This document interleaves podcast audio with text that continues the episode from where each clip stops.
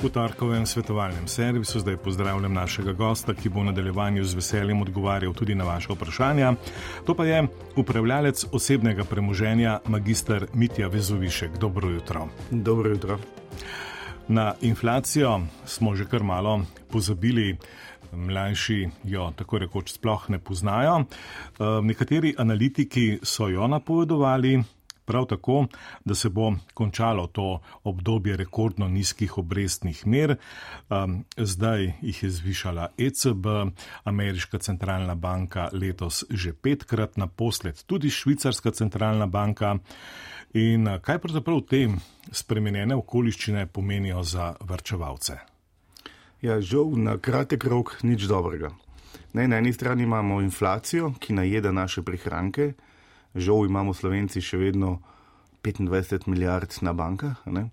in teh 25 milijard je postalo 10 odstotkov manj vrednih v zadnjem letu. Um, na drugi strani pa inflacija tudi običajno za um, delniške trge ne prenaša nič dobrega. In dvigovanje obrestnih mer, ki je posledica seveda inflacije, pomeni, da je zadolževanje draže ne, um, in seveda delnice običajno izgubljajo takrat na vrednosti. To se je tudi zdaj pokazalo. Ja, ob energetski in eh, prehranski dragini, ko se v teh dveh seveda pomembnih segmentih življenja veliko govori, ko se mnogi tudi zaradi uh, povišanja cen teh produktov in storitev uh, bojijo letošnje jeseni, zime, priporočljivo kakorkoli preurediti vrčevalni portfelj. Ja, to seveda je priporočljivo delati stalno, ne, ne prevečkrat, ampak periodično no, najbolj se izkaže, če to naredimo dvakrat na leto. Um, žal pa ni temu tako, da bi preurejali naš naložbeni portfelj lahko kar rekli vsakih šest mesecev, ampak je odvisen tudi od gibanja trgov. V poprečju je to dvakrat na leto. Zdaj, sama energetska draginja, eh, o kateri govorimo tok, ne, je bolj posledica seveda vojne ne, eh, kot inflacije. Ne. Na drugi strani pa je to tudi posledica tega našega povezanega sveta. Kaj to pomeni?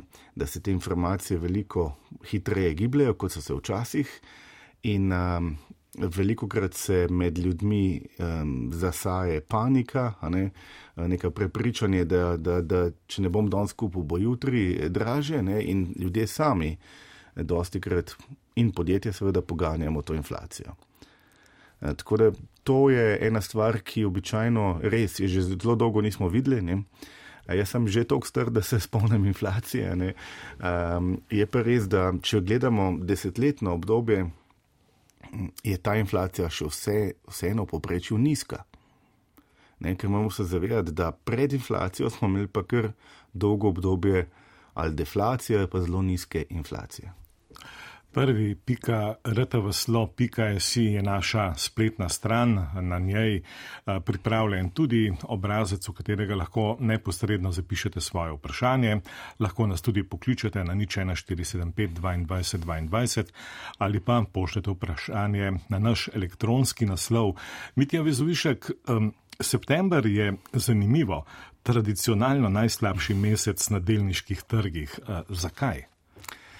Um, dobro vprašanje. Ne? Natančnega odgovora na to nihče ne ve. Ne? Um, mogoče izhaja tudi iz tega, ker se ljudje po dopustih vrnemo um, s praznimi denarnicami ne? in nimamo dovolj denarja, da bi kupovali. Um, ma šalo na stran. Um, te običajne fraze, kot rečejo tudi uh, sell in May, come back in September. Ne? Običajno je bil najslabši mesec, eh, te poletni meseci tudi. Ne? Ampak letos um, te vzorci nimajo prav velike veze z aktualnim dogajanjem na trgu. Zdaj pa z nami Grega iz Trzina. Dobro jutro. Dobro jutro, lep pozdrav. Jutro. Imam vprašanje glede vrčevanja za pokojnino. Trenutno imamo v bistvu sklenjeno, mislim, da pri Adriatiku, ali niti nisem čist prepričan, kje je neko vrčevanje, um, kjer uplačujem, ne vem, slabih 200 evrov mesečno notri. Zdaj pa glede na to, kako se tele zadeve gibljajo z inflacijo, ali predlagate v trenutni situaciji, zadevo, ne vem, zamrzniti in ne vplačevati, ker tam nekje 2 do 4 procente so donosi, kar pomeni, če jaz zadevo zdaj noter dajam, um, bom na dolgi rok bolj na minusu kot na plusu, um, ali se predlaga za taka vrčevanja, ne vem, jih mogoče na neko mal bolj varno um, zadevo spraviti, ker tam je neka možnost, da ne, mislim, da na pamet govorim, dvoprocentnim donosom zagotovljenim, samo pač nič več kot to, samo to zdaj inflacija niti slučajno ne bo pokrila. Uh mhm. -huh. Kaj predlagate za, za taka vrčevanja storic? Ja, odlično vprašanje. Um, moram pa odgovoriti takole. Zdaj, trgi, gibanje trgov um, pri mesečnem vrčevanju ni vaš problem. Se pravi, to, da trgi rastejo in padajo, je običajno vam v plus. Bom razložil malo kasneje. Zdaj, ključen problem pri mesečnih vrčevanjih, kot jih opisujete, pa so običajno stroški. Ne? Se pravi, stroški ta, to vrstnih produktov, ne vem, kateri produkt imate natančno? E, tudi sami ste povedali, da ne, ampak običajno stroški to vrstnih produktov so tisti največji problem. Bis in ti zmanjšujejo donose. Kar se tiče pa um, trgov, ne, trgi so pa um, to, volatilnost trgov je pa pri mesečnem vrčevanju vaš prijatelj. Zakaj? Takrat, ko trgi padajo, boste za isto količino denarja kupovali več enot sklada. Ne, takrat, ko pa trgi rastejo, boste pa z isto količino denarja kupovali manj enot denar, eh, nekega sklada. In povprečna cena bo zato boljša.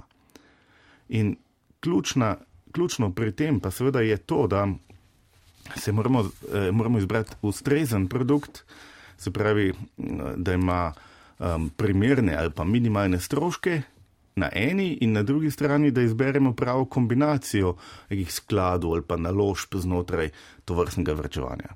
Najslabša stvar v času, ko trgi grejo navzdol, je, da denar eh, poberete ven, se pravi, da izplačate, druga najslabša stvar je pa to, da dejansko zamrznete vplačila.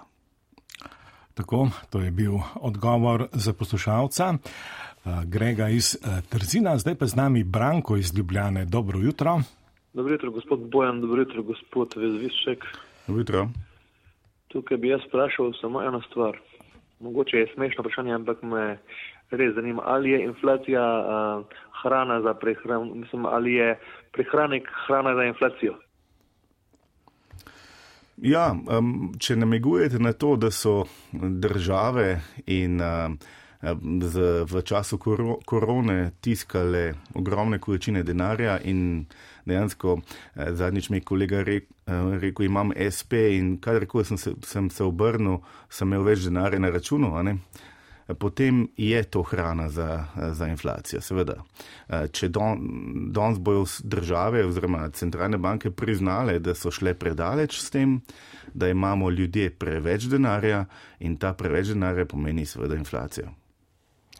Zdaj pa seveda eno vprašanje, ki si ga zastavlja tudi marsikateri uh, potencijalni vrčevalec oziroma mali vlagatelj. Ali so uh, po vseh teh pacih delniških trgov vrednostni papiri že zreli za nakup? Ja, ključno vprašanje je, da tega nihče ne ve. Oziroma, ključno odgovor je, da tega nihče ne ve. Nihče ne ve, kaj bo jutri. Sveda se mnogo analitikov na dnevni bazi ukvarja s tem, napovedovanjem prihodnosti. Ampak slaba polovica se jih vedno zmoti. V tem trenutku se seveda več, večina analitikov nagiba k napovedim, da nas čakajo še nadaljni paci.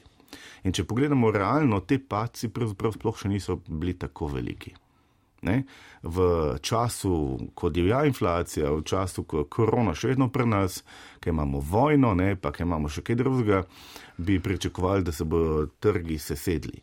Največji problem niso paci na delniških trgih, največji problem so paci na obvezniških trgih. Obveznice so tisto, um, ste, um, tisti stebr vsakega vrčevalnega produkta, vsi pokojninski skladi, um, pravi, ki so največji vlagatelji, imajo polno obveznic in te so padle, recimo, evropske. kar za 15 odstotkov danes, eh, letos. Um, in to se ni zgodilo že 40 let. In to je problem. Zanimivo vprašanje prek spleta je zapisal poslušalec Franci. Pravi pa takole, ali je še smiselno vrčevati v skladih ali je bolj smiselno kupiti zlato. Recimo delniški trgi proti plemenitim ja. kovinam. Klasično vprašanje je vedno, ko se stvari začnejo iti navzdol, ne, ljudje začnejo razmišljati o zlatu. Zlato velja ne, za hranilca vrednosti, ki pa je to vlogo že nekaj časa nazaj izgubilo. Zdaj, če bi vprašal enega izmed najboljših svetovalcev, pa pet najboljših svetovalcev v, na svetu, recimo v ZDA, pa Avstraliji, pa v Veliki Britaniji imajo celo tekmovanja ne, na to temo, pri nas sploh še nimamo poklica svetovalca, ampak to je druga tema. Če, skratka, če bi vprašali pet najboljših svetovalcev na svetu, bi vam štirje povedali, da zlato ne sodi v naložbeni portfelj. Zanimivo. Ja, zakaj ne? Zato, ker ne prinaša ne obresti, ne dividend in ne najemnin. Seveda, mi smo v naši hiši, ne, naš naložbeni tim, mečke drugačnega mnenja. Um, Je pa res, da tega plemenitih kovin v portfelj dajemo samo v določenem odstotku. Se pravi, če me sprašujete, aj danes čas, da kupite zlato, bom rekel, da je čas, da povečate malo utež plemenitih kovin v portfelju. Ampak ta utež naj ne bo več, ker ne vem, 10-15 odstotkov. Zdaj, seveda, za depozite z dvigovanjem obrestnih mer prihajajo nekoliko boljši časi. Upamo, ja. ja. In na to je vezano tudi eh, naslednje vprašanje poslušalke ali poslušalca prek spletne strani. Eh, kakšna je danes dobra obrestna mera za dolgoročni depozit v banki? Ja, ni važno, v katerem času smo. Ta dobra m, hm, depozitna obrestna mera bi vedno morala biti takšna, da pokrije vsaj inflacijo. Ne? In takšne niti približno ne dobimo, ne? nikjer ne? na svetu, če tako rečemo. Um, se pravi, dobra depozitna obrestna mera, da vežemo denar vem, za tri, za pet let. Tudi če, tudi če bi nam banka danes dala pet odstotkov, je to verjetno slaba kupčija. Zato, ker je, kaže, da bo inflacija višja ne, v povprečju kot to. In eh, zato depoziti pravzaprav danes sploh ne predstavljajo več omembne, omembe vrednega eh, vem, finančnega produkta, ki bi bil primeren prav, praktično za kogarkoli. Razen mogoče kakšne kratkoročne vezave, govorim do enega leta, ampak te so pa tako nizko obrestovane, da inflacija bo zagotovo višja. Magister Vezovišek, kdaj pa je primeren čas za vstop v neko vrčevalno schemo? Prej ste slikovito dejali prodaj v maju in se vrni septembra. Kako je s tem? Ne, seveda za vrčevalca to niti najmanj ni pomembno. Vse, kar se danes dogaja na trgih, to za enega dolgoročnega vrčevalca, to lahko enostavno odmisli in pozabi. To nič ni pomembno. Tudi če se trgi sesujejo za naslednjih 20 odstotkov, to sploh ne bo vplivalo na njega. Pravi čas za vstop v vrčevanje je čim prej, sploh je včeraj, ne danes, ker največji kapital, ki ga imamo pri vrčevanju, je čas, ne denar. In dalj časa, ko vrčujemo, večja je verjetnost, da bomo dosegli pozitivne donose, in poleg tega imamo pa ta obrestno, obrestni račun, ki je osmo čudo sveta, če tako rečemo, ne? in dela res čudeže. Vračevanje je vedno tek na dolge proge in če razmišljamo o vračevanju manj kot deset let, potem mogoče bolj, da sploh ne začnemo. Verjetno pa pri sestavi tega vrčevalnega portfelja velja tisto, da dobro staro, nič koliko krat povedano pravilo, da nikoli ne nosimo vseh jajc v eni košari. Seveda ne to, da nekdo reče, da vrčuje na način, da kupuje vem, delnice um, svojega podjetja, ne prek neke vrčevalne scheme, seveda to je, to je zelo tvegano početje, če nima zraven nič drugega. um, vrčo, ko začenjamo vrčevati, ali pa ko imamo vsaj deset let do, do konca vrčevanja, če govorimo o mesečnih uplačilih, je najboljše, da um, izbiramo produkte A, ki imajo nizke stroške, to je najbolj pomembno, in B, da izbiramo čim bolj razpršene vem, delniške sklade. Če so indeksni skladi, je to boljše kot vzajemni skladi, samo zaradi tega, ker imajo te bistveno niže stroške. Um, kriptosvet in uh, kriptovlagatelji, kriptovrčevalci, kriptoinvestitorji uh, so nestrpno čakali tako imenovani dan M. Uh mhm. -huh. Ja, res je. Dan, dan M je bil pravzaprav tehnološko zelo pomemben dan, finančno pa niti ne. ne. To pač kripto svet oziroma blokčen podjetja um, so zelo uglaševala ta merch ne, na etru, se pravi Ethereum merch, ne. ampak to je bil bolj tehnološki um, dosežek, zelo pomemben tehnološki dosežek. Um, za vlagatelje bi se pa spremenilo lahko samo na slabše, če ne bi bilo uspešnega prehoda ne, iz tehnologije Proof of Stake na tehnologijo, pr, uh, oziroma tehnologije Proof of Work na tehnologijo Proof of Stake. Da bojo poslušalci razumeli, je zelo enostavno, ne, gre se za tehnologijo potrjevanja transakcij na blokčinu mrežju ki je šla iz tega, da je bilo nekaj algoritme oziroma račune treba delati, seveda računalniška moč in tako naprej, oglični vtis in tako naprej, ne, v to, da pač uh, gre za to, da potrjujo te um, transakcije tisti, ki držijo um, ta, te kriptožetone. Ne. Ja, za kriptosvet leto 2022 ni najbolj prijazno. Vrednosti vseh kriptožetonov so strmo padle. In zdaj, seveda, se spet postavlja tisto vprašanje, podobno kot recimo 3-4 leta nazaj, ali so kriptovalute za pozabo, oziroma da to vprašanje še malo razdelam. Tudi poslušalca zanima, če lahko kaj več poveste o stanju na trgu bitcoinov, se splača kupiti, se ne, ali je pričakovati neko rast ali nadaljne pace. Ja, danes kupovati je bistveno boljše, kot je bilo še začetek leta, ker samo Bitcoin je recimo padel za 60 odstotkov. Ostale kriptovalute so običajno padle še več. Um, tako da tisti, ki so vstopili začetek leta, imajo poprečju kakih 70-80 odstotkov minusa. Zdaj, če izkoriščam svojo zgodbo, pa zgodbo naših strank, sem prvo kriptovaluto kupil leta 2016. In um, že leta 2017 sem si toliko izplačal, da če gre vse v malo oro, ne imam še vedno plus. Razumete? Uh -huh. uh, tako da naše stranke, za naše stranke, ki so dalj časa z nami, smo naredili podobno. Tiste, ki so bile primerne za vložke v kriptosvet, smo, ne vem, kakšne dve leti nazaj, recimo tiste, ki so bile dve leti nazaj ali pa, ali pa prej. Um, investirali v kriptovalute, en majhen del portfelja. Ne? Tukaj je zelo pomembno to, kaj govorim, majhen del portfelja, govorim o treh, treh odstotkih, mogoče pet odstotkih portfelja. In potem je, ker lansko leto ne, močno zraslo, smo del odprodajali. Seveda, takrat se je na začetku zdela ta zgodba napačna, ker je potem do konca leta še raslo, ampak če danes pogledamo, da smo takrat odprodajali del, je bilo to seveda odlična poteza. Kaj pa zdaj počnemo v tem trenutku? Dokupujemo nazaj. Dokupujemo nazaj, ker menimo, da kriptovalute oziroma blockchain tehnologija in seveda tudi kriptovalute eh, so tukaj, da bodo ostale.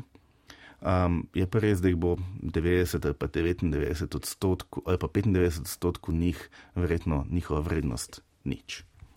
Trenutna vrednost bitcoina je malce pod 20 tisoč evrov.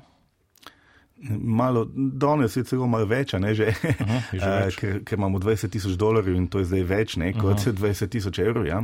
Ampak ja, Aha. to včasih bila je tudi 60, ne. Ne, tako da vemo, da je padec od vrha pravzaprav dve tretjini. Ja, Majo iz celja pa zanima, ali se trenutno splača vzeti stanovanski kredit za 20 ali 30 let. Verjetno je to vprašanje ene pol leta prepozno. Ne, ker um, še pol leta nazaj so banke v zadnjih izdihljajih ponujale ugodne stanovanske kredite. Ko govorim ugodne, mislim na stanovanske kredite s fiksno obrestno mero, ki se je gibala okoli 2 odstotka. In seveda takšne ponudbe, um, po mojem, še nekaj časa ne bomo videli spet. Ne? Danes so nekatere banke celo prenehale ponujati kredite s fiksno obrestno mero, tiste, ki pa jo je, pa ta seveda bistveno višja. Tako da trenutno ni več dobro, dobro okolje za najem stanovanskega kredita. Um, je pa seveda, če moraš reševati stanovanski problem, ne, je pa to druga zgodba.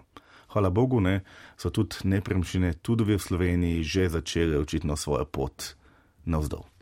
Na to navežemo še eno precej podobno vprašanje.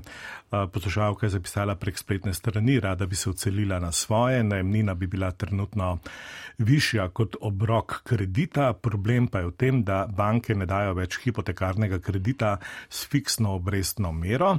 Kako načrtovati finance, če iz meseca v mesec ne veš, kakšni stroški te čakajo, seveda stroški financiranja. Um, ne na zadnje poslušalko menja, da je seveda tudi ECB v zadnjem času hitro dvakrat zvišala obrestno mero. Ja, in, in je še bo verjetno in to močno. Um, tako da v osnovi tako ne. V povprečju je najemnina vedno nižja od obroka kredita. Če poslušalka um, seveda primerja en, enaka stanovanja med sabo, kar je seveda nemogoče praktično, ne? ker eno se prodaja, drugo pa ne ima, ampak najemnina bi mogla biti nižja od obroka kredita. Če je višja, to pomeni, da je to izjema in tisto stanovanje je pač očitno precenjeno. Um, na drugi strani je pa res, da vkolikor smo imeli obrestno mero nekje pod 3 odstotke, je bilo dolgoročno finančno gledano vzeti kredit boljša odločitev kot um, najeti to stanovanje. Ko se obrestne mere dvigujejo nad 3-3,5 odstotke, ob normalnem trgu je finančno gledano najem postane cenejši kot kredit. Seveda je pa ena pomembna razlika, ker je najemnina običajno cenejša manj plačamo kot za obrok kredita, moramo ta, to razliko vračevati. Ne, in ko smo delali izračune na 20 let, se finančno pri obrestni meri tam 3-3,5 odstotke um, izide, bolj izide najemnina. Sveda pa to ni edini, edina kalkulacija, ne? je tudi čustven del, ne? pa um, enačbe je zelo pomemben. Sploh v Sloveniji nimamo tako velike ponudbe najemnih stanovanj, mogoče še v Ljubljani, mogoče še, vse ostalo je pa eh, zelo težko najti pra, pravo stanovanje. Najemodajalca, ki bo prisluhnil tvojim željam. Ne? Tako da razumem to potrebo, in um, pri nas je edini odgovor na to, je, da se izdela zelo natančen, premišljen načrt financiranja. Se pravi, v tem si naredimo simulacije, kaj se bo zgodilo eno, po eni poti, kaj po drugi poti, koliko eh, najemnine ali pa kakšen kredit si lahko pravošmo, in potem se moramo odločiti glede na naše zmožnosti. Vrniva se še malo k plemenitim kovinam. Zvesta poslušalka Cvetka iz Savinske doline pravi, um, zlate ploščice. Uh, kaj vi svetujete za to vrsto oziroma uh, to obliko uh, naložbenega vrčevanja? Ali je otroku, vnuku bolje podariti uh, plemenito kovino, zlate ploščice ali recimo mu je enostavno bolje položiti denar na račun? Ja, dobro vprašanje. Zdaj, pri plemenitih kovinah je, moramo razlikovati med zlatom in ostalimi kovinami. Zlato ima eno veliko prednost, ker je pač neobdavčeno. Ne? Pa pa tudi eno veliko slabost, da je majhna količina že veliko stane. In kaj počnejo običajno stare mame, če temu tako rečem, ne, ali um, za vnuke, običajno kupujejo srebrne kovance, srebrnike ker to stane, ne vem, 40-50 evrov, ne, zlatnik pa bistveno več. Zdaj pri srebrniku težav, so težave dve. Prvič ni neobdavčen, drugič je pa um, DDV treba plačati pri nakupni ceni. To pomeni, da smo v trenutku, ko smo ga kupili, izgubili 22 odstotkov.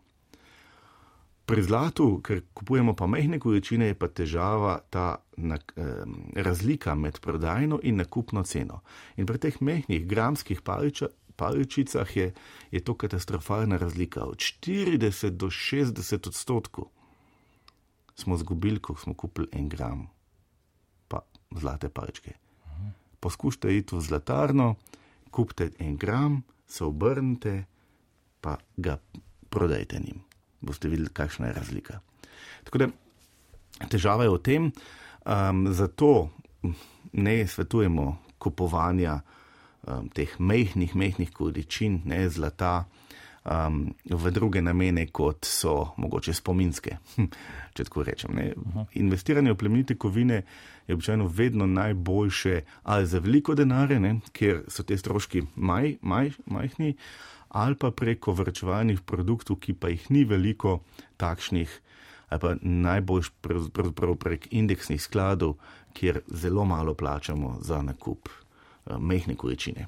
Indeks, indeksni skladi, to so skladi ETF, tako, ki, tako. ki se pod to kratico pojavljajo. Tako, tako, tako. Um, še dvoje vprašanj imamo, uh, Mitja Vizovišek. Uh, prvo pravi takole, uh, poslušalka, uh, ki piše, da je starejša. Uh, v kratkem ji poteče uh, večletno življenjsko zavarovanje. Pravi, da ni bilo naložbeno, Uh -huh. uh, bo dobila manj, kot je uh, uplačevala, ali jim jo zanima, ali je smiselno denar dvigniti, oziroma z njim narediti kaj drugega. Ja, vprašanje je, kakšno ima ukalkulirano obrestno mero. So tisto zajamčeno obrestno mero. Zdaj, zakaj je najprej dobila manj? Zato, ker je imela stroške tega življenjskega zavarovanja pa ne samo stroške takšne sklenitve, ampak tudi stroške zavarovanja, se pravi zavarovane vsote. Na drugi strani pa obstajajo neka starejša življenjska zavarovanja, ki imajo kalkulirano zajamčeno obrestno mero, vem, celo 6-7 odstotkov. Takšna kljub inflaciji 10-11 odstotkov ni smiselno eh, prekinjati. Ne? Vsa ostala pa seveda ja, um, je smiselno denar dvigniti, prvič je neobdavčen, ne?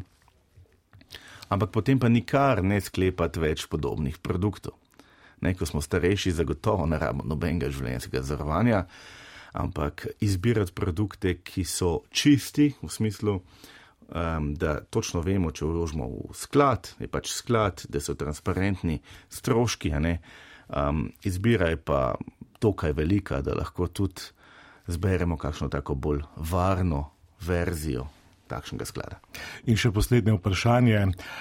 Eh, poslušalec Istok eh, piše, da je star 45 let in ga zanima eh, na primeru 100 tisoč evrov, kako jih investirati, kako jih porazdeliti. Ponovno se pojavi tudi pod vprašanje, kako je s kriptovalutami in kako na spletu ugotoviti prevarante v zvezi z različnimi oblikami investiranja. Ja, to so dve vprašanji, v enem zelo zahtevni. ja, eh, če, gremo najprej, na kratko, ja. če gremo najprej na teh 100 tisoč evrov, ne, vse je odvis, odvisno od naložbene strategije. Se pravi, rabimo načrt, rabimo, zakaj bomo ta denar imeli, koliko časa ga ne rabimo, kakšen, kakšen imamo odnos do tveganja, kakšne imamo izkušnje, kakšne imamo dostopa, bomo to počeli sami, ali bomo nekoga najeli za to. Ampak v osnovi večina slovencev naj bi imela takšen portfelj. Se pravi, približno 30 odstotkov, pa do 30 odstotkov v alternativnih naložbah, kamor sodijo tudi kriptovalute. Vendar nikakor ne 30 odstotkov v kriptovalutah, ne? mogoče 3 odstotke. Um, preostal denar pa 35 odstotkov delnic in 35 odstotkov obveznic. In to je nek uravnotežen portfelj za vsakega slovenca. Tako. In uh, s tem univerzalnim, dokaj univerzalnim nasvetom uh, tudi zaključujemo današnji svetovalni servis. Magistr Mitja Vezovišek, hvala lepa za obisk prvega in vaše odgovore. Hvala za povabilo. Jutri pa bo tema svetovalnega servisa debelost.